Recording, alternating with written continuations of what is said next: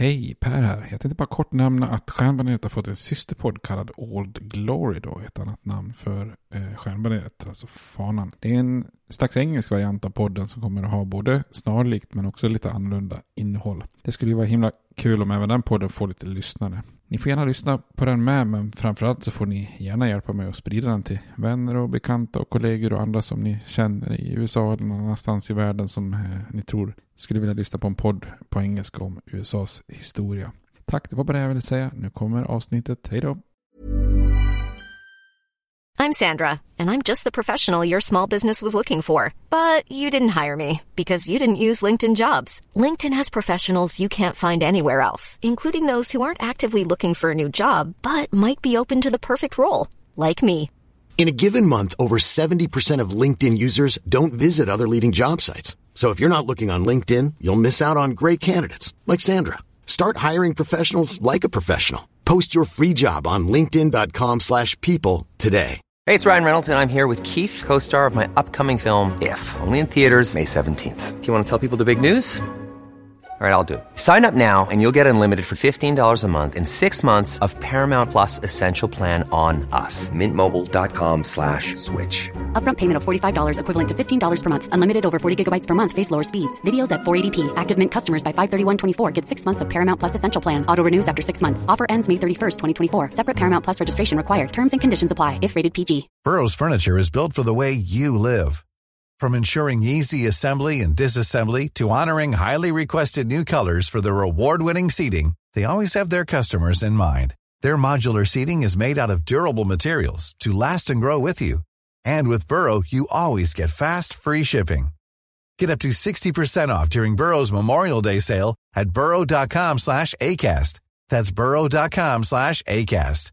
burrow.com slash ACAST.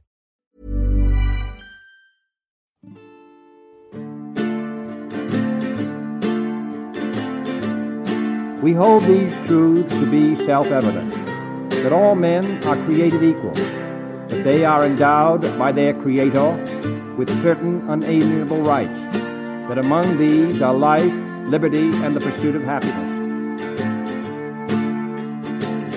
Now we are engaged in a great civil war, testing that government of the people, by the people, for the people, shall not perish from the earth. And so, my fellow Americans, ask not what your country can do for you. Ask what you can do for your country. I have a dream. My four little children will one day live in a nation where they will not be judged by the color of their skin, but by the content of their character. Mr. Gorbachev, tear down this wall. I did not have sexual relations with that woman, Miss Lewinsky. Ja, då hälsar vi hej och välkomna till Stjärnbaneret, en podcast om amerikansk historia. Eh, Och vi fortsätter tillsammans. Ja, jag är med igen. Hallå Robert, Hej Per. hur är läget? Jo, det är bra. Mm. Idag är det dags för eh, nordstaterna tror jag. Förra avsnittet så eh, gick ju du igenom här ganska grundligt eh, vad som skiljer sydstaterna från nordstaterna. Men också vad som särskiljer de olika eh, sydstaterna då. Precis. Och idag ska du kolla lite närmare på nordstaterna. Det måste vara ganska många nordstater här. Eller som räknas som nordstater nu då. Jo, precis. Jo, men de är ju några fler. Eh, och blir ju allt, allt fler liksom med tiden där. Mm. Eh, men de håller ju ganska så jämna steg under en period där. Ja. Eh, så att, eh, ja, nej, men vi har ju beskrivit södern och nu är det dags att beskriva, istället för Dixie så ska vi beskriva Yankees då, som man brukar kalla folk från nordstaterna. Jag tror vi nämnde det, det finns ett gammalt Mm. Ja. holländskt ursprung där, något personnamn där, ja, Jan något Ja, precis. Men innan vi hoppar in på nordstaterna, Ja. vad, vad har vi för tips på Eh, dryck? Öltips. Ja. Och eh, i förra avsnittet så såg ju jag ditt förslag och du... ja, det var helt okej. Ja. Men du kände dig inte så jätte eh, förberedd den här gången heller eller? Får vi höra? Vad är, vad är, ditt, eh, vad är ditt öltips den här gången? Nej, alltså jag, jag, la inte så mycket tid på den efterforskningen eller tankemässigt. Så här, först tänkte jag så här, hmm, sökte jag, det måste finnas öl med namnet Yankee och det fanns det väldigt många Mm. olika. Men ah, det var inget jag kände igen riktigt sådär. Så, så, så att, eh, och då började jag fundera på vad ska avsnittet handla om. Då kom jag på att det, det ska ju faktiskt handla om nykterhetsrörelser, alltså så olika reformrörelser. Och då tänkte jag nykterhet, så här, men då kanske man man kanske ska rekommendera något alkoholfritt alternativ, något bra. Och då tänkte jag, så vad är de bästa alkoholfria ölen? Så att, och då kom jag fram till att ja, men jag gillar den här Mikeller Ambler som brukar finnas på systemet. Mm. Och sen Brewdog, Nanny State, som är Ja, som just en amerikansk pale ale. Ja men den är ganska bra. Den eh, drack min fru mycket under graviditeten. Mm. Kanske till och med finns en stat som kallas för The Nanny State. ja, det Nej, kanske, kanske det gör, men jag vet inte om de har tänkt till så. Nej, det De är ju inte. brittiska dessutom. Ja, Ja, ja, nej det har de nog Eller de inte. skotska? Nej, var de? Ja, det är- Skottland är det, va? Mm. Eh, ja, nej, men det var väl bra. Här tycker jag inte du ska skämmas över. Det var väl... Ja, kanske, var kanske var lite eh, lyft från Hefeweiss. Ja, och det är väl bra att kunna... Jag tror att vi i något avsnitt tidigare har gett förslag på att man kan dricka något annat än öl. Och, och det, man Ja. kan ju dricka alkoholfritt också. Så Precis. det var bra att du kom tillbaka till det. Ja. Jag är rädd att jag upprepar mig nu, men jag, jag kommer tillbaka till ett bryggeri i alla fall som vi har nämnt. Founders. Men då tror jag vi har nämnt i det avseendet att det var Founding Fathers lite mer så. Ja, okej. Mm. Ja. Och de ligger ju då i Michigan. Ja, okej. Grand, Grand Rapids heter det. Ja, just det. Och Michigan ska det handla lite om idag. Ja, men det är ju en nordstat. Och eh, om man ska välja en öl nu då. Jag kommer inte ihåg vad jag rekommenderade förra gången. De har ju väldigt många. Ja. Många bra. Så att, Du pratade ju om en som heter Breakfast Stout. ja, precis. Ja. Ja, Jag ska rekommendera deras vanliga porter då. Vad heter den? Den heter bara Founders Porter. Ja, Ja. Vad, vad heter den? Nej, ska... ja, Eh, Så den vill jag lyfta fram. Den går Ja. att få tag på på Systembolaget. Ja. Och är väldigt prisvärd. Man för mig kostar den sådär 25-26 spänn kanske. ja, ja. För en flaska. ja. Så ta er en Founders Porter. ja det är trevligt. Mm. De har fina etiketter också. Ja. Mm. Ja, men vad bra. Men då har vi lite, lite öltips att bjuda på. Ja. Mm.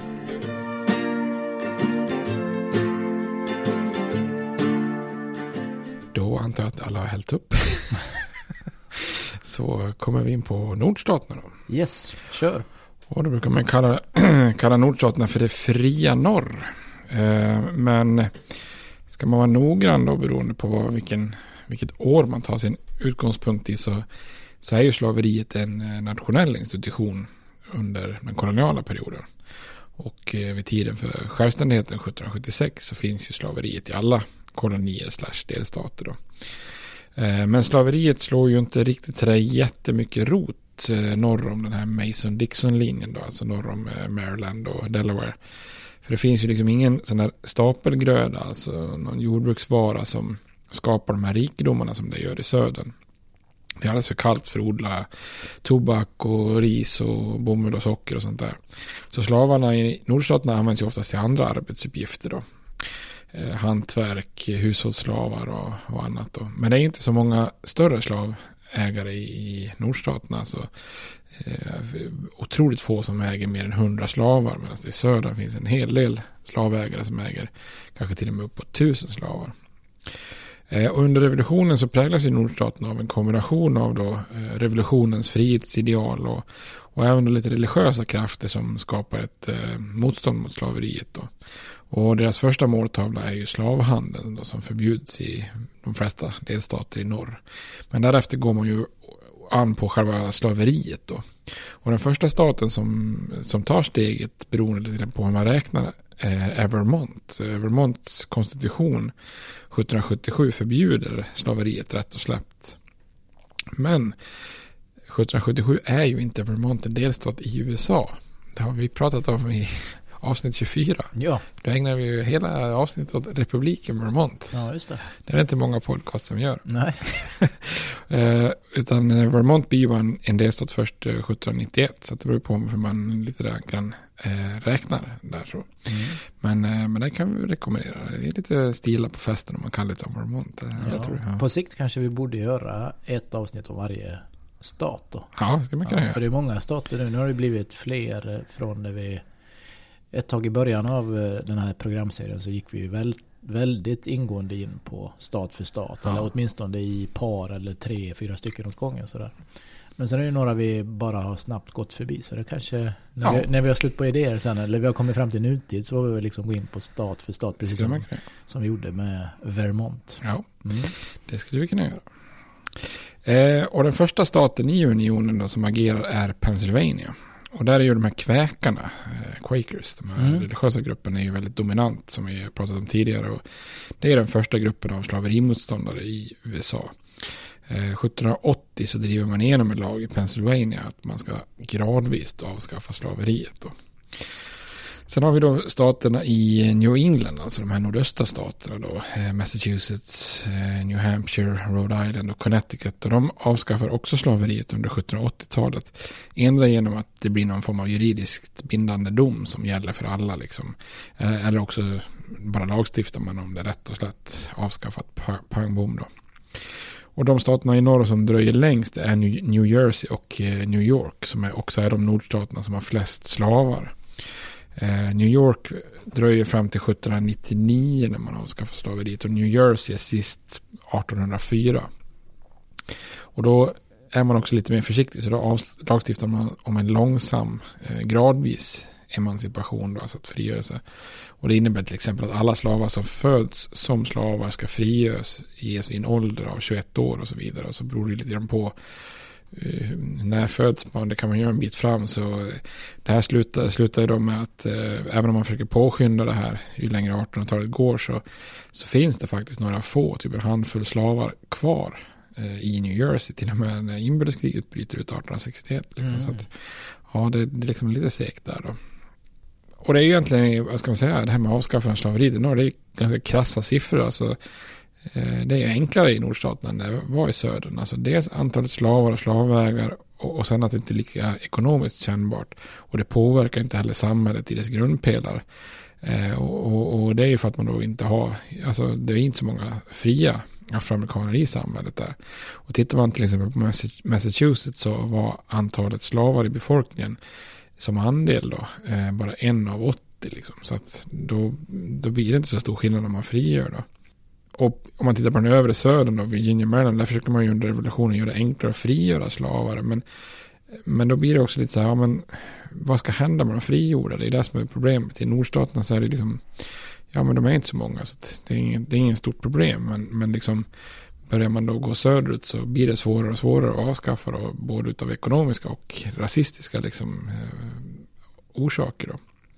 Så om man går från norr till söder under revolutionen så kan man säga så att ja, men längst, in, längst i norr, New England, inga problem, ganska lätt att ska avskaffa. Eh, I de här mellersta staterna, visst vi avskaffar, men det får ske lite gradvis och med lite kompensation. Och sen kommer gränsen då, i övre södern, ja vi slopar importen men, och vi gör det enklare att frige, men vi kan inte gärna avskaffa slaveriet. Och sen i lägre södern, vi skulle aldrig ens tänka tanken då, om man säger.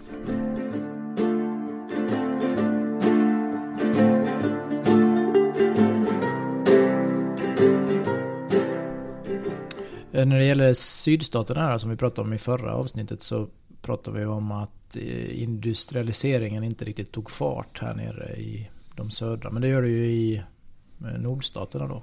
Hur, eh, hur ser den ut? Ja, den, den är ju, vad ska man säga, det är ju en ganska stor förvandling då. Vi pratade ganska mycket i det här, om det här i eh, avsnitt 32 tror jag det var. Just om eh, hur USA förvandlas i rask takt och ekonomiskt. Och dels pratar vi om en transportrevolution, vi pratar kanaler och järnvägar Mm. och sånt där. Så pratar vi med en marknadsrevolution då, nya sätt att göra affärer. Och så pratar vi med industrialisering, alltså att många över jordbruket och börjar förvärvsarbeta i de här första första mm, eh, industrierna eller fabrikerna, manufakturerna som det, man brukar säga då. Och egentligen, när vi gick igenom det i det avsnittet så är ju det mer av en regional historia Mm. vi gick igenom då. Därför att det är ju framförallt i nordstaterna som den här utvecklingen sker då. Så som vi såg i förra avsnittet så infrastruktur och industrialisering det är liksom uteblir ju från, från södern. Så det är ju Ja. framförallt liksom eh, nordstaterna som vi pratar om då. då. Och den här ekonomiska förvandlingen i norr skapar ju en ytterligare regionalisering av både USA, av USA både, ja, vad ska man säga, både ekonomiskt men även politiskt. Då, för nordstaterna startar ju en väldigt snabb resa mot ett modernt industrialiserat eh, samhälle. Där många överger jordbruk för industrier. Samtidigt i södern då så satsar man mer än någonsin på jordbruk och slavarbetskraft. Då. Så här kan man väl säga att nordstaterna de åker ju som ett tåg i full fräs liksom mot ett eh, modernt, mer modernt industriellt samhälle. Och, och kvar står liksom södern på, på perrongen liksom och, och blir mer och mer efterblivet i, i förhållande. Då. Och den här utvecklingen av ekonomi och marknad och transport och industri i nordstaterna det gör ju också att man där behöver man generellt förespråka ganska höga tullar och sånt där. För man vill ju skydda den här eh, unga industrin då från internationell framförallt eh, brittisk konkurrens då.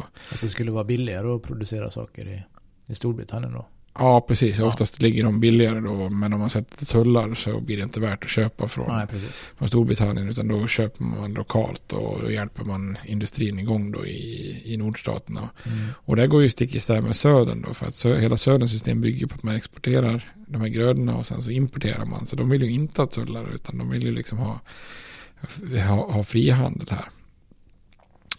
Och sen uppstår det ju en väldigt stark skillnad mellan nord och syd. För på 1840 och 50-talen så uppstår det ju också då en väldigt stark ideologi i de här industrialiserade nordstaterna. Där man alltså förespråkar det man kallar för free labor. Det är ett väldigt populärt begrepp liksom att vi förespråkar free labor, alltså någon slags fritt arbete. Och med fritt så innebär, innebär man egentligen bara kort och gott motsatsen till slav. som inte är ett fritt arbete. Ehm, Alltså en slav arbetar för ingenting medan en fri arbetare arbetar för sig själv och sitt uppehåll, uppehälle. Då. Och den här ideologin innebär att man hyllar hårt jobb, att man ska vara självständig och att man ska förlita sig på sig själv. Liksom själv är bästa dräng ungefär. Då. Och en väldigt stark del av den här ideologin det är ju den här Eh, består ju i den här drömmen om att dörren är öppen för att kunna klättra socialt eh, för den som anstränger sig och lyckas. Och, och man hyllar ju det här som man brukar säga, the self-made man. Då. Och få symboliserar ju det här bättre än Abraham Lincoln till exempel som föddes väldigt fattigt men sen blev president. Då. Så den här free labor det är ju liksom kort och gott en ideologi som ja, verkligen speglar nordstaterna. Både, både egentligen dess goda sidor och dess dåliga sidor. Då. Men framförallt blir det en tydlig motpol till slaveriet och stöden. då. Eh, det blir liksom ett ideal när man hyllar människors jämlika möjligheter snarare än medfödda olikheter om man ska liksom vända på det då. Eh, och att det sen då blir liksom klasskillnader i norr. Det ser man som en naturlig, naturlig del bara. Att vissa hade bättre förutsättningar och var villiga att jobba hårdare. Men alla hade på något vis möjligheten som inte finns då i ett slavsamhälle. Men det här skapar också ett väldigt mobilt samhälle. I södern så visst flyttar många liksom västerut för att skapa plantage där. Men i övrigt blir det ju ganska fast liksom. Medan i nordstaterna blir det ju en otrolig rundflyttning och mobilt. Alltså misslyckas jag här, ja då söker jag mig vidare och sen så testar jag där och så kan jag söka mig vidare liksom mm. och testa nytt och sådär. Och det är ju mycket av det här som finns kvar idag i det här som man brukar säga the American dream liksom att uh, och vad ska man säga, om man ska förklara det kortfattat så i USA så har man ju inte byggt strukturer för liksom jämlikhet utan det är ju mer liksom equality of opportunity, alltså att det ska mm. finnas möjlighet i, snarare att det ska faktiskt vara jämlikt. Alltså, välfärdssamhället kanske mer går ut på att jämna ut skillnaderna faktiskt liksom, istället för att bara skapa möjligheter. Liksom. Men den här free labor-ideologin det innebär ju också att det emigrerar väldigt många till USA för att testa lyckan. Och i nordstaterna eh, förespråkar man och uppmuntrar man ju den här fria immigrationen för att fabrikerna vill få tillgång till arbetskraft. Och det här innebär att då de här åren 1845 till 1860 med en topp på mitten av 1850-talet så sker det ju en enormt uppsving i immigrationen från Europa då. Eh, 1860 är USAs befolkning uppe i 31 miljoner. Då är var, var åttonde utlandsfödd. Då. Mm. Eh, och det innebär att det kommer då proportionellt väldigt många till USA. Och de flesta som kommer då, de anländer ju till nordstaterna, någon av de större hamnarna i norr. Och då så blir de kvar i de här, ena blir de kvar i de här stora städerna på östkusten, eller också tar man sig västerut till de nordvästra staterna som nu befolkas ganska rejält. Om man tänker Ohio, Indiana, Illinois, Michigan, Minnesota, de här nordstaterna är lite mer åt väster då. Och det är också väldigt nya grupper som kommer då, katoliker från Irland och Tyskland och sådär. Så, eh, det kommer vi att prata mer om sen då, men det kommer att uppstå en viss främlingsfientlighet och nya partier, men det kommer vi komma till sen då. Eh, och tidigare har det funnits väldigt många olika regionala intressen mellan olika delar av unionen. Men en väldigt viktig utveckling då den här första halvan av 1800-talet är att alla nordstaterna liksom börjar närma sig och få gemensamma intressen. Därför att under liksom tidigt 1800-tal där så eh, då, började, liksom, då kanske man kunde spela ut södern och de västra staterna skulle kunna spela ut de nordöstra och, och de gamla staterna kunde spela ut de nya i nordväst och så tvärtom. Liksom så, så att man kunde liksom hela tiden se regionala skillnader. Men nu innebär det att det blir en process där de nordvästra staterna de blir ju väldigt mycket så här spannmålsstater då. Och då förser de väldigt mycket eh, med spannmål till öster. Då. Och då kan man där överge jordbruket och gå över till industrin. Och sen då med liksom då eh, järnvägar och allting så kan man, och kanaler så ökar man transporterna däremellan. Så liksom, då växer liksom nordstaterna väldigt mycket mer ihop då än vad de har gjort innan då. Och det är ju lite ironi där, för att vi pratade om det, det var en man från nordstaterna, Eli Whitney, som uppfann den här cotton gin, den här maskinen mm. för att rensa bomull. Han bredde ju vägen för sydvästra USA då. Och den man som breder vägen för nordvästra USA det är snarare en man från södern då, som heter Cyrus McCormick som 1831 eh, uppfinner en mekanisk skördemaskin. Eh, The McCormick Reaper eller vad den heter. Mm. Eh, och då innebär det att tidigare hade kanske två män kunnat skördat en, ett tunnland spannmål. Men med den här maskinen så kan de skörda, kan två stycken skörda 12 tunnland. Så det blir ju jäkla stor skillnad när man ska skörda mm. Eh, med det här då. Och då kan man säga att den här skördetröskan blir liksom lika, nästan lika eh, viktig för agrikultur och expansion i nordväst som den här cotton gin blir för sydväst. Eh, men om man tittar på alla de här, vad ska man säga, all den här förvandlingen, den ganska snabba förvandlingen av samhället i nordstaterna så för många familjer så ökar levnadsstandarden, konsumtionsvaror förändras, familjeroller förändras, arbetsplatsens lokalisering förändras och sånt där. Men alla de här förändringarna sätter sina spår på väldigt många områden, då, speciellt kanske då religion, och, men även då sociala reformer. Så man kan säga att det blir lite av en, eh, ja, reformfeber då egentligen.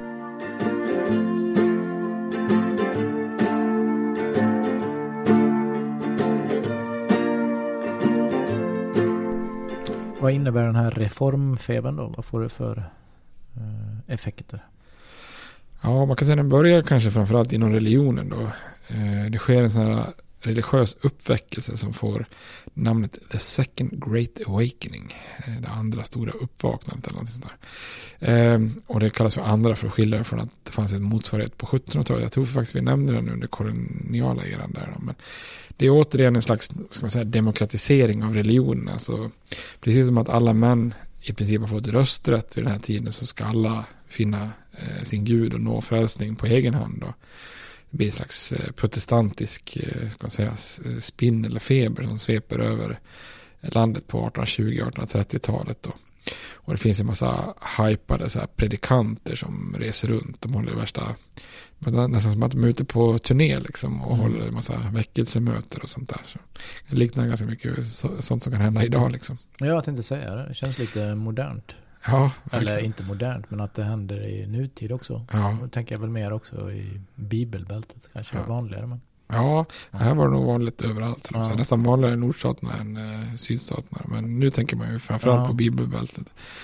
Eh, så helt still, jag kommer inte på någon av dem. Men det finns några kända namn där som går, ja, de åker runt lite på turné kan man säga. Då. Eh, men det finns ju också enorma drivkrafter för sociala reformer. Då. För många amerikaner, och speciellt i nordstaterna, de blir ju liksom inte bara upphetsade av alla möjligheter med den här nya ekonomin eh, och vad den innebär. Utan det blir ju också så här att man blir lite så här smärtsamt medveten om att samhället också har en hel del brister. Och det var ju det här vi pratade om Södern kritiserar nordstaterna för att, att vara någon slags lönes, lönearbetande fattig. Det kanske det menar man på var, var löneslav snarare än vanlig slav. Då. Eh, och då är det flera grupper som startar olika reformrörelser för att förbättra samhället. Och man griper tag i en jäkla massa områden som man vill förbättra. Man försöker få fler barn i utbildning, man försöker reformera fångvården. Eh, man försöker skapa lite mer lag och ordning. Eh, man försöker göra framsteg inom vetenskap och medicin och sånt där. Men en av de viktigaste sociala reformrörelserna det är nykterhetsrörelsen, temperance movement. Och det, den är ju en motpol för att man uppskattar ungefär 1810 så tror man att det finns ungefär 14 000 olika destillerier av olika slag. Det är ganska mycket. Ja. Då destilleras det friskt i här och där. Eh, och de som är liksom lite mer hardcore, de förespråkar liksom all avhållsamhet. Alltså, och man kan säga så här, de har svårt att få genomslag vid den här tiden. Utan de får ju nästan snarare sin framgång där i början på 1900-talet, 1920 mm. till vad är det, 33. När det här 18 tillägget finns, den här förbudsperioden. Då. Det är väl då den här rörelsen når sin kulmen kan man säga. Då. Eh, men många av de här reformrörelserna och olika religiösa rörelser, de växer ju liksom samman då. För är man, är man väldigt starkt troende, då kanske man har lätt att fördöma slaveriet och förespråka milda straff. Och då kanske man också vill för, föregå med gott exempel och inte dricka och så vidare. Så att det finns många kopplingar mellan de här olika reformrörelserna. Och en reformrörelse som är väldigt viktig här, det är ju att den liksom första riktigt starka feminismen uppstår. Eh, det är många kvinnor som engagerar sig i olika reformrörelser då. Eh, bland annat bland de här som motverkar slaveriet och abolitionisterna. Eh, finns några riktigt kända namn här som det finns två systrar, Sarah och Angelina Grimke som, eh, som till och med kommer från South Carolina men som bryter med sin familj och flyttar norrut och liksom, ja, helt kommer från slavsystemet men som blir jättestarka förespråkare för eh, mot slaveriet. Och, och så finns det två systrar, Catherine Beecher och Harriet Beecher Stowe. Det är hon som skriver Onkel Toms stuga, en av dem. Mm. Eh, och sen finns det ett, ett par eh, tjejer som heter Dix i efternamn, Susan Anthony och Dorothea Dix. Och när de här kvinnorna börjar engagera sig då i olika rörelser så då är man ju liksom, först är det inte en feministisk rörelse, man vill engagera sig för slavar, nykterhet och så vidare. Men när man gör det, då möter man ju en massa motstånd och fördomar från män. Att kvinnor ska inte liksom lägga sig i, ni ska hålla er till hushållen och sånt där. Så att det här innebär då att eh, man liksom börjar få upp ögonen för det här. Då. Och en viktig händelse är att 1840 så reser en hel delegation med kvinnliga delegater till London för att delta på ett världskonvent för, för slaverimotståndare. Och Eh, där släpps de inte ens in. De får liksom mm. inte ens vara med. Då. Och de här motgångarna övertygar ju flera av de här kvinnorna att istället för att vi ska arbeta för andras rättigheter så kanske vi ska arbeta för, för, för sina egna rättigheter, kvinnors rättigheter. Och då finns det en sån här enormt viktig milstolpe 1848. Eh, eh, för då är, är det ett feministiskt möte i Seneca Falls i New York. Alltså lite längre norrut i New York alltså staten New York. Eh, där man då diskuterar kvinnors rättigheter och eh, man skapar en slags eh, deklaration eller någonting man ska följa så att säga. Som, som är lite rolig för den, den säger liksom det uppenbara med en liten blinkning mot självständighetsförklaringen. Så de proklamerar helt enkelt att all men and women are created equal. Mm. så det är ju ganska, ja, ganska klockrent egentligen. Då. Och man kan säga återigen de här kväkarna som går i branschen då, för att alla som skriver under den här deklarationen var kväkare utom en. Så att de är väldigt, väldigt centrala figurer i USAs historia, de här kväkarna. Men i slutet av 1840-talet då, då är det ju en reformfråga som börjar liksom överskugga mycket annat i nordstaterna och det är just eh, slaveriet. Alltså eh, att, att försöka bekämpa slaveriet. Då. Och den, den här reformgruppen är ju de som får det här namnet abolitionisterna. Då. Eh, och, och, det är ju liksom den mest liksom, inflytelserika av de här reformgrupperna.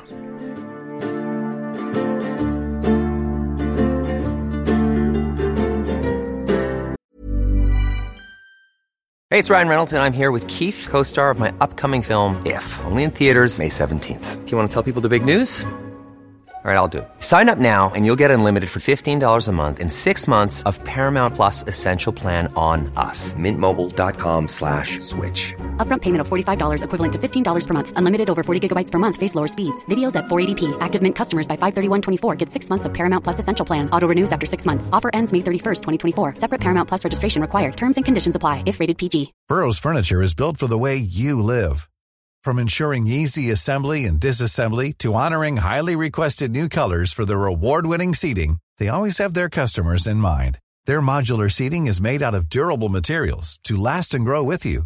And with Burrow, you always get fast, free shipping.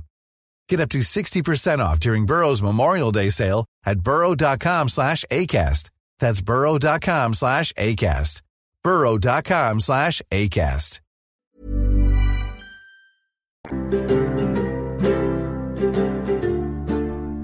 Kan du inte berätta lite mer om dessa då? Vad heter de? Abolo... Abolitionisterna. Abolitionister. Ja, det är ett svårt ord. Ja. Det kan bli fel. Vi får... eh, Du har lyckats bra alla gånger du har uttalat det. Abolitionisterna. Ja. Abolitionisterna. abolitionisterna. Jag tror du har tränat innan. Ja, det har jag. Berätta mer. Eh, ja, De är emot slaveriet. Det är Precis. alltså huvudfrågan eller? ja, Ja.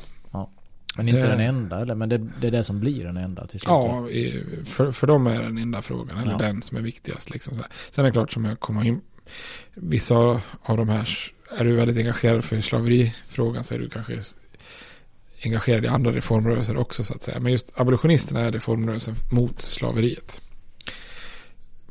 Jag tänker på mot, mot, vad heter det, mot mjäll, för eller mot mjäll. Ja, eller fett hår va? Ja, fett För hår, ja. eller mot. Just det. Lysande. Jag hörde faktiskt den här Hassan nyligen. De, Ja. de håller ju annars. Tycker du? Ja, vissa. Ja, vissa kanske Ja. gör det. Jo, verkligen. När han, eh, nu vart det en väldig parentes, men den när han spelar ihop två pizzerior är ju Ja, fantastiskt. jo, det är väl klassisk. Tillas. Yes, men nog om det då. Eh, och eh, de första här liksom mer organiser organiserade nationella organisationerna som är motståndare mot slaveriet och eh, en föregångare är amerikanska koloniseringssällskapet som bildas 1817. Och deras tanke var ju att kolonisera tillbaka slavarna till Afrika. Och väldigt många av de mest kända statsmännen på den här tiden då man tar James Madison, James Monroe, Henry Clay, John Marshall, eh, flera av de här som jag har pratat väldigt mycket om eh, De är ju medlemmar i, i det här koloniseringssällskapet. Jag tror till och med Lincoln också är det under unga år så att säga. Det sker väl sen då. Men det måste ju vara bra mycket senare. Liberia är väl ett typexempel på det va? Ja, precis. Fa- Fast precis. det måste ju vara på 1900-talet. Nej, nej, det kommer nu faktiskt. Jaha, du är helt ute på rätt. ja, jag skulle komma till Liberia. Nej, Ja, nej, men- jag trodde det var senare. Nej, det är faktiskt det.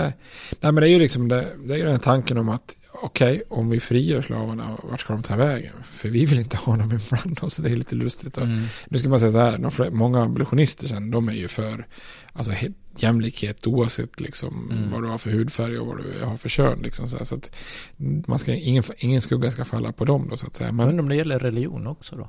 Eller det känns ju som de kommer ur någon sorts eh, kväkarkristen Ja, del här. Så de kanske inte är riktigt lika... När det gäller religion så är det ju sällan något annat än någon slags protestantisk Nej, evangelism nej. som är, Ja. duger i USA. Men eh, ja, men det här liksom motivet bakom att kolonisera tillbaks, det är ju lite, liksom, det är ju lite, ja det är ju en bäsk, för det, det, det säger ju ungefär, vi kan inte leva sida vid sida, så därför Nej. måste vi hitta en lösning här då.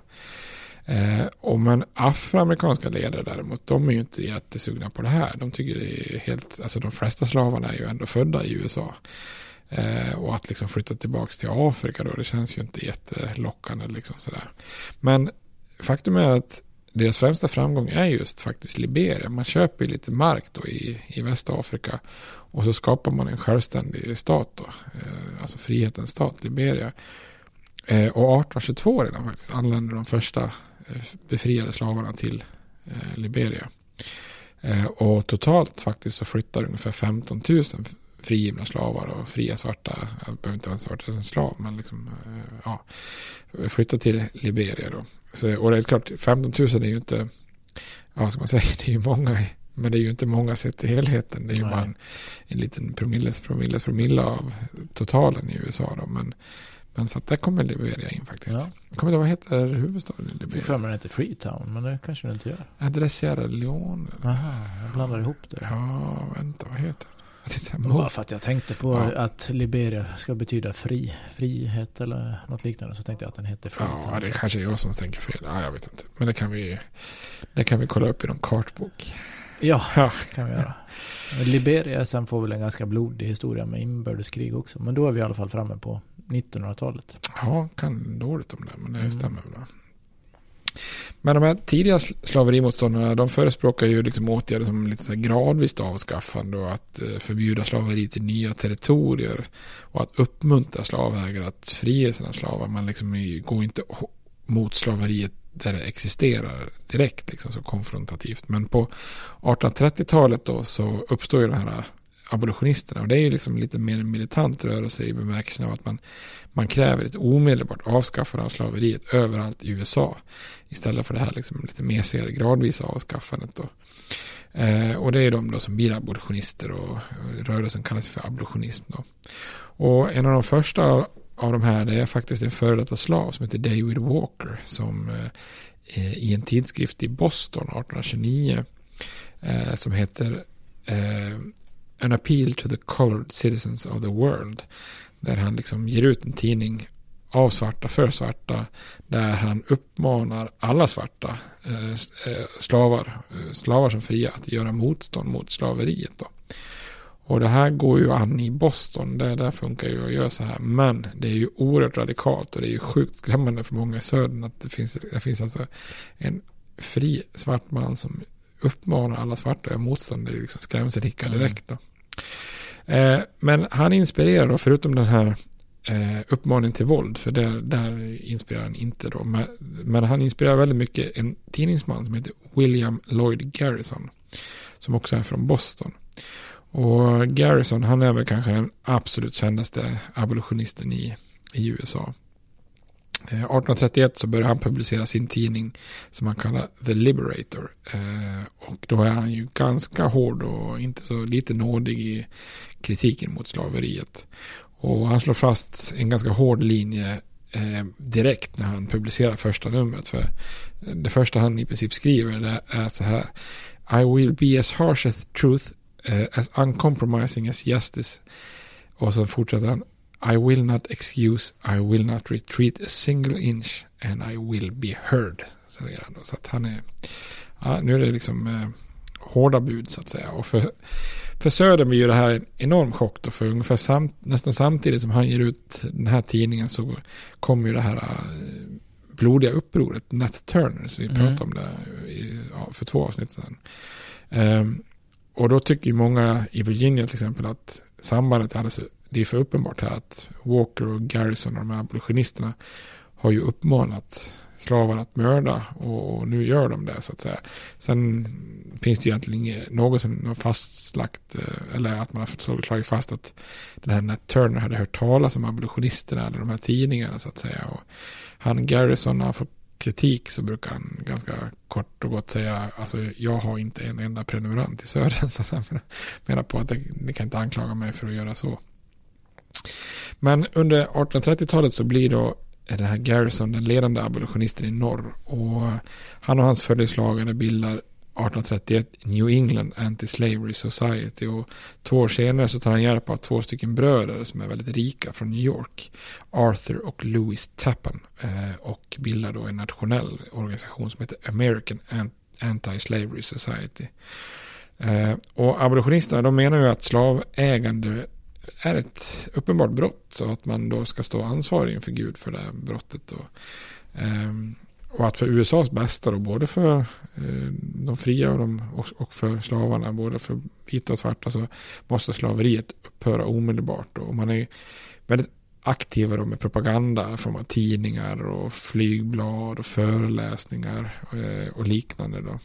Och bland de här abolitionisterna så finns det också ganska många afroamerikaner då. Och den kanske mest berömda av dem det är eh, Frederick Douglass. Eh, han är då Douglas han är en slav som har flytt från Maryland och sen så lever han i nordstaterna och där börjar han föreläsa om slaveriet. Han är väldigt duktig att föreläsa så han får ett enormt genomslagskraft och han publicerar en självbiografi som kallas för The Narrative of the Life of Frederick Douglass 1845. Och efter all den här uppmärksamheten så kör han en två, lång, två år lång turné i Storbritannien till och med innan han återvänder till USA. Och då har han tjänat så mycket pengar så att han faktiskt formellt kan, eh, kan köpa sig fri. För, eh, fram tills dess så var han ju bara egentligen en förrymd slav då, mm. så att mm. säga. Eh, och han startar också en tidning för, för afroamerikaner som kallas för North Star. Eh, och han är ju skicklig att tala och han får ju sån genomslagskraft för att han är ju så trovärdig. För han har ju upplevt faktiskt och flytt slaveriet. Och det blir lite tro, trovärdighet bakom orden så att säga. Vad man brukar säga, etos, patos och logos, de här retorik. Ja, just det. Ja. Är det, e- det här är du... etos, va? han har, han har starkt etos. Va? Ja, det Eller det starkt patos? Ja, koll på än Ja, ja, ja. Men eh, det här abolitionisterna, de möter ju faktiskt motstånd, inte bara från söder, de möter faktiskt också lite motstånd eh, internt då i nordstaterna också. Eh, det finns många i norr som tycker att abolitionisterna egentligen är helt fel ute och man eh, utsätts för ganska mycket protester och våld från grupper av då vanliga vita amerikaner som ogillar bara svarta eller de tror att slaveriets avskaffande skulle vara någonting negativt och en, en del är så enkelt jag tänker så enkelt som att ja, men ska avskaffa slaveriet i södern kan de komma hit och ta våra jobb liksom och så. Eh, så bland annat finns det då en, en eh, tidningsutgivare, Eli Lovejoy, som ger ut en eh, abolitionistisk tidning i Illinois. Han, eh, 1837 så då bara stormar några in och, och dödar honom och förstör hans tidningspress. Liksom. Så han blir ju då lite av en martyr sådär som man ofta lyfter fram. Liksom. Tänk på vad som hände med honom då. Eh, och när på en minnesceremoni i nordstaterna eh, efter mordet på den här Eli Lovejoy så, så är det en man som heter John Brown som reser sig med en knuten näve i luften och säger Here before God in the presence of these witnesses from this time I concentrate my life of the destruction of slavery. Mm. Och det kommer jag att komma tillbaka till den här John Brown. För han är liksom lite skogstokig och gör, gör väldigt mycket konstiga grejer innan inbördeskriget där. Och mördar och försöker skapa slavuppror. Och ja, han är extrem på alla sätt och vis. Okay. Kan man säga. Sen kommer ju ett läge då när de här abolitionisterna när de har blivit allt fler och mer, allt mer engagerade i det här så börjar man ju liksom strida lite internt kring vilken ja, taktik man ska anamma i, i den här kampen. Då. Och det här leder till viss splittring då för eh, han, William Lloyd Garrison och hans anhängare i New England då främst, de börjar betraktas som allt mer extrema då. Eh, Garrison han ser liksom hela samhället som korrupt och att det måste reformeras från grunden då. Eh, vid ett tillfälle så är han så arg så han, han, han menar på att konstitutionen är skriven för slavägarna och att eh, konstitutionen skyddar slaveriet. Och det innebär att han då helt enkelt eh, eldar ett exemplar av konstitutionen och kallar det för a convenient, alltså ett avtal with death and an agreement with hell. Och då börjar vissa säga, ja, ja men nu börjar det bli lite för radikal när du eldar konstitutionen. Och så. Tagga ner. Ta, precis, ta det lugnt. Nu tar vi det lugnt. Nu lugnar vi ner oss några kilo. Sen är det ju också så att han förespråkar en massa andra sociala reformer som nykterhet och pacifism och han bryter med kyrkan som han tycker är allierad med slavägare. Och så framförallt så förespråkar ju han både kvinnors och slavars jämlikhet, alltså jämlikhet för alla då, både politiskt och socialt. Och så långt är det ju inte alls så många som igår då. Så andra abolitionister som inte alls är så radikala då, eh, och som, de ser liksom egentligen inga större fel med det amerikanska samhället förutom just slaveriet. Så därför fokuserar man på att ja, men det är slaveriet som ska avskaffas. Vi ska liksom inte omdana hela samhället. Då. Och i dem blir ju liksom Garrison en väldigt så här, opragmatisk och opraktisk fanatiker. Då. Så det sker en splittring framförallt 1840 då, för då börjar Garrison ta in kvinnor i rörelsen. No, no, no, no, det ska man inte göra. Inga kvinnor, säger de andra. Eh, och då skär det sig mellan Garrison och de här två bröderna, Tappan som vi pratade om, eh, från New York då. De vill inte ha med the ladies. Eh, så då blir det först en splittring mellan abolitionistiska rörelser då. Sen sker det också ganska snabbt en till splittring där det finns vissa som förespråkar att vi måste ju gå någon form av liksom politisk, praktisk väg framåt för att eh, uppnå de här målen. Eh, Medan andra säger att liksom, nej, eh, det blir för ideologiskt eh, orenodlat, eller vad man ska säga, det blir inte renodlat ideologiskt. Eh, politik kommer bara innebära att vi ska kompromissa i, i frågor där det inte finns utrymme för kompromisser. De vill inte ge sig in i politiken då. Men de som vill ge sig in i politiken, de samlas i Albany i New York, alltså huvudstaden i New York. Eh, 1840 och lanserar faktiskt ett nytt politiskt parti då, som heter Liberty Party, Frihetspartiet. Och eh, den första presidentkandidaten heter James Birney som är en före detta slavägare. Som eh, ja, helt har mm, kastat om och vänt institutionen ryggen och flyttat till Ohio och blivit eh, en ledande slaverimotståndare istället. Då. Och i presidentvalet 1840 så får det här partiet under Birneys ledning får de bara 7000 röster. Men redan i valet, presidentvalet efter 1844 så fick man 60 000 röster. Eh, och även om det här är liksom ett litet parti så är det ändå en milstolpe för att eh, från och med 1840 så finns det alltid minst ett politiskt parti som på något sätt förespråkar en begränsning eller ett avskaffande av slaveriet. Och, och till slut 1860 så är det ju Republikanerna och Lincoln som vinner med just att man vill begränsa slaveriet. Mm.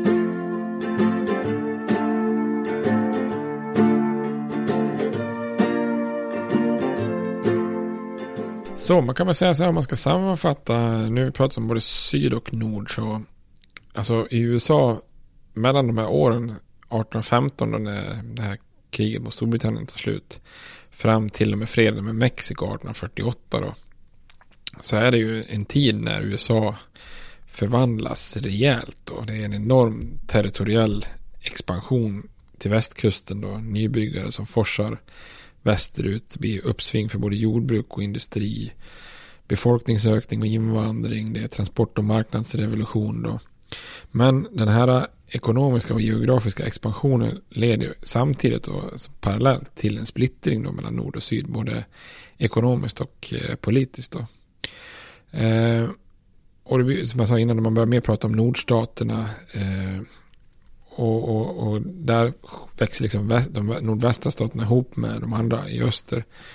Eh, med en utveckling som skyndas på av järnväg och det minskar Mississippiflodens betydelse. Och det finns en tydlig industrialisering, tydlig immigration, ett tydligt ideal av det här free labor-tänket. Eh, medan man i södern går åt raka motstånden. Ingen industri, industrialisering. Eh, istället för slaveriet och de här bomullsproduktionen, liksom ett rejält uppsving södern blir det här King Cotton som det kallas för. Alltså att man, man, är, man producerar så otroligt mycket bomull så att man, är, man kallas för King Cotton. Eh, det blir enorma rikedomar och aristok aristokrati då. Så då har vi liksom lagt grunden till det som är nord och sydstaterna då. Eh, och då blir det två, två landsändar som vi kommer att komma till. Lincoln kommer att prata om det här som ett delat hus. Ett delat hus som inte längre kan stå upp liksom för att det blir så, två så olika halvor då. Och nästa avsnitt tänkte jag att vi skulle börja titta på hur den här konflikten ser ut och sen beta oss igenom det här turbulenta 1850-talet som ju är det som leder upp till inbördeskriget. Yes, tio år då fram till när det bryter ut. Är det 60? 61, 61. ja. Mm. Ja, det blir spännande. Nästa avsnitt är det då. Yes. Ska vi ta någonting nu? Jag har kollat upp en av de här eh, som vi får räkna till nordstaterna då. Michigan. Ja. Som i eh, ja, lite mer modern tid sen blev känd som uh, The Motor State. Eller åtminstone Detroit som blir The Motor City här. i bilindustrin i USA. Ett typexempel på industri. Ja. Även eh, som Kiss sjunger Detroit Rock City. Rock City ja. ja. Eh, och det har vi väl nämnt tidigare. Kiss som eh, din brorsas absoluta favorit. Ja det kanske vi gjorde. Ja. Samlade och köpte planscher vet jag och massa mm. grejer. Gillar du Kiss? Nej, inte sådär superdirekt. Det är konstigt att man kunde tycka att det var så tuff och tung musik då. Ja, det är väldigt snäll rock ja. när man lyssnar på nu. Liksom. Jag tycker det kan, eh, jag kan uppskatta lite Kiss på radion ibland. Jo, några sköna låtar. Ja. Eh, men som sagt, eh, Motor City här med General Motors framförallt då. Eh, har ju sin högtid fram till 80-talet. Jag skulle tro från 40, 50, 60, 70 och sen fram till 80. Där börjar man väl tappa lite då. Eh, och eh, när sen eh, bilindustrin går under då i Detroit och kanske framförallt en liten ort, eller liten, den är inte så liten, men Flint kommer det väl Ja, det. Mm. Där finns det nu en serie på Netflix som heter Flint Town. Eh, okej. Det är ju absolut misär alltså tycker jag. Ja, det kan jag tänka mig. Jag har, inte, jag, har, jag har bara sett trailern och läst lite om den. Men det, det är ju fruktansvärt alltså. Men Detroit verkar ju vara... Alltså, Ja, det vet jag tror att det har kommit över lite nu, men det var nästan en övergiven stad. Ja, precis. Och så ser det nästan ut att vara i Flint. Alltså övergiven av, vad ska man säga, samhället i Ja. övrigt då. Eh, Det fanns väl ingen tanke om att försöka på något sätt hjälpa de här som blir av med jobb. Och, eh, inte heller då underleverantören och så. Så det, det är ju katastrof för de här samhällen.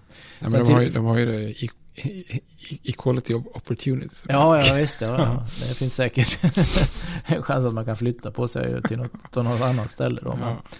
Många går ju under här. Det är ju en av de våldsammaste städerna i USA då, Flint. Och ja, Detroit var väl det också under en tid skulle jag tro. Ja, jag tror det.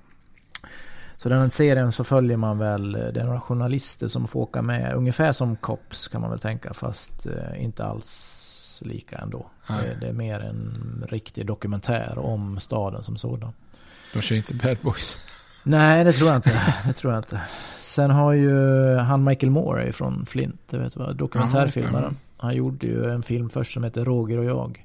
Eh, Som eh, Roger är väl ägaren till General Motors, eller, eller var då, när Mhm, det började okej. lägga ner där. Det var väl den han slog igenom med. Men han har ju precis kommit ut med en, en ny film som heter han gjorde ju förut Fahrenheit 9-11. Ja, just det. Ja. Nu har han gjort en som heter Fahrenheit 11-9. Aha, okej. Ehm, och det, jag har inte riktigt fått grepp om vad den helt handlar om. Men till på köpet hade de ju någon sån här vattenskandal här i Flint. Att vattnet har ju typ blivit förgiftat. Eller, ja. Finns ingen hejd på. Nej, och jag har bara sett något klipp där han står och sprutar en stor tankbil med vatten över tomten på den här, den av ägarna där. Eller om det var en politiker som fattade något dumt beslut där i Flint då. Och sen är det ju också någon sorts, eh, ja vad ska man säga, nutidsdokument över Trump och hur det gick till att han kunde bli vald och ja, vad han tror om framtiden tror jag. Ja, okej. Men han har ju alltid sin hemstad Flint med i sina filmer. Så det är ingen eh, rolig historia. Nej, det kan jag tänka mig. Något roligare då.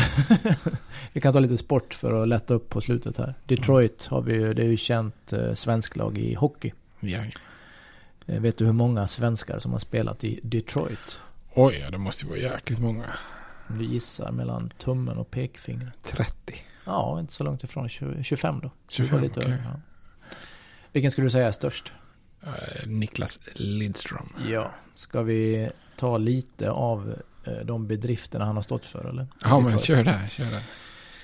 Eh, han har spelat flest slutspelsmatcher av alla europeer då. 263 slutspelsmatcher har han gjort. Eh, han är första försvararen från Europa att nå 1000 poäng och hittills ensam med det också. Eh, under 12 och en halv säsong då, som han gjorde där, så missade han endast 17 matcher. Oj, det är ju vasst. Ja, det är bra.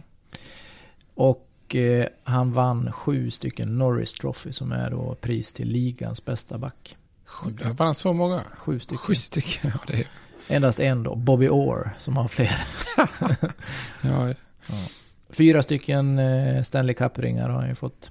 Och eh, det här, det här sista får vi ta med en nypa salt. Men Niklas Lidström då har mest istid av alla genom tiderna i världens bästa hockeyliga. okej. Ja, Kan man mäta det? Kan man gå tillbaka säga, och titta? de kan ju inte gärna när- ha mätt med de gamla uvarna liksom. Nej, det måste ju vara i modern tid då på Ja, något sätt. det är ju för sig att även om det skulle begränsas till, till modern tid så är det fortfarande pretty good. Ja. Och sen har han fått lite utmärkelser av journalister här också då. Eh, The Hockey News 2007 utsåg de honom till tidernas europé i NHL, alltså bästa europeiska spelare. Och 2009 utsåg flera ansedda tidningar då eh, honom, bland annat Sports Illustrated här, till årtiondets bästa NHL-spelare. Bra. Ja, det är bra. Ja, men det är ju liksom, jag- jag vet inte riktigt, det är klart det är så svårt att jämföra men han borde väl nästan vara liksom den största vi har haft. Ja, det känns ju. Han om, man, nämns om man ju- bara isolerar till NHL såklart. Men Ja, Annars kanske man kan slänga in lite olika så här liksom eh, Foppa och Sudden Ja, och Sal- det är väl de, Salming. nej, men det är väl sådana de tre man nämner som störst, det får man säga. De är ju de största. Och sen om man ska, det beror på vad man, vad man liksom gillar med, för speltyp där med om man ska välja mellan Foppa, Sudden och, Ja, och. Lidström. Men det är imponerande att ha spelat så mycket och varit så skadefri i världens tuffaste liga Ja, på något sätt. verkligen. Som back också då. Han är inte jättestor vad jag, alltså rent fysiskt. Nej, nej, nej. Så det får man väl säga är imponerande. Nej, störst var ju Kjell Samuelsson. ja, det var en jätte. Ja. Han spelar inte i Detroit. Nej, Pittsburgh Penguins, eller? Ja, Philadelphia var han väl också i va? Ja, okej. Ja. Och en sista grej då om Detroit. Ska vi ta det? Kör. Enligt mig så har de ju eh, det snyggaste eh, märket, sportmärket eh, för ett lag. Det är ju Detroit Tigers. Där de bara har det här D i Old English-stil. Jaha, där. Så Ja. ser det ut. Ja. En sån keps skulle jag gärna ha fast jag inte håller på Detroit Tigers. Jag håller inte på något baseballlag överhuvudtaget. Men Nej, nej, nej. det är en snygg keps tycker jag och snyggt märke. Ja, ja. Du ser det framför dig va? ja. Ja. Det jag tänker på, de har inte Detroit Pistons, är inte det ganska fult? jo, det är det väl. De blandar och Nej, ger. fult, Nej, men det, är- det, är inte i klass ja. med, det är inte i klass med Tigers. Det Nej, det inte. Så ska vi avsluta med det då? Detroit Tigers fina märke. Det tycker jag. Googla på det. Googla på det. Nej, vi kan lägga ut en bild tycker jag på... Jag skulle kunna Ja. kan inkludera det. Ja. Då tackar vi för den här gången. Ja, tack så mycket hörni. Tack. Hej. Hej. States like these and their terrorist allies constitute an axis of evil. And if the hippies and the yippies and the disruptors of the systems that Washington and Lincoln as presidents brought forth in this country will shut up and work within our free system of government, I will lower my voice. If the impeachment provision in the Constitution of the United States will not reach the offenses charged here, then perhaps that 18th century Constitution should be abandoned to a 20th century paper shredder. Therefore, I shall resign the presidency effective at noon tomorrow.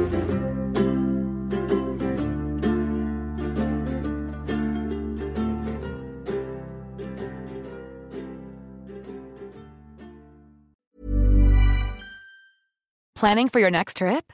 Elevate your travel style with Quince. Quince has all the jet setting essentials you'll want for your next getaway, like European linen, premium luggage options, buttery soft Italian leather bags, and so much more. And is all priced at 50 to 80% less than similar brands. Plus, Quince only works with factories that use safe and ethical manufacturing practices. Pack your bags with high-quality essentials you'll be wearing for vacations to come with Quince. Go to quince.com slash pack for free shipping and 365-day returns.